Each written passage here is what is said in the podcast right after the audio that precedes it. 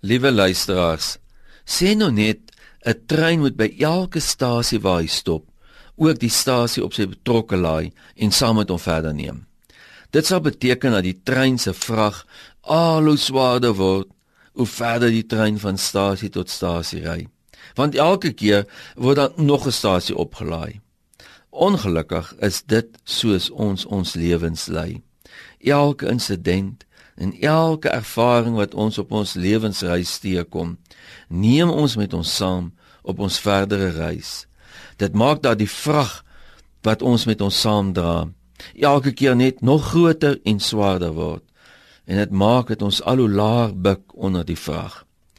Vanaand gaan ons vir mekaar sê dat as ons 'n betekenisvolle lewe wil lei, ons nie moet toelaat dat ons verlede en ons geheue van negatiewe gebeure in die verlede ons môre en oormôre beroof van ons geluk nie. Ons mag nie toelaat dat ons verlede ons aftrek en terughou en ons lewe van betekenis ontneem nie. Dit is waarom Jesus ons so dikwels aanraai om mense te vergewe wat dinge teen ons gedoen het.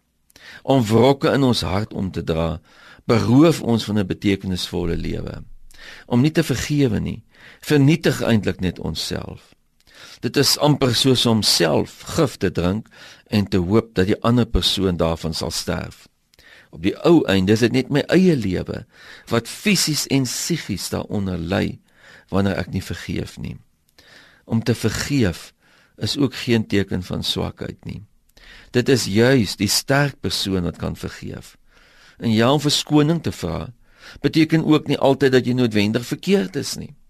Om te sê dat jy jammer is, is om ook aan die ander persoon te sê dat jou verhouding met hom of haar baie belangriker is vir jou as wat die saak is. Vergifnis is ook nie net 'n een eenmalige gebeurtenis nie. Dit is dikwels 'n lewenslange proses.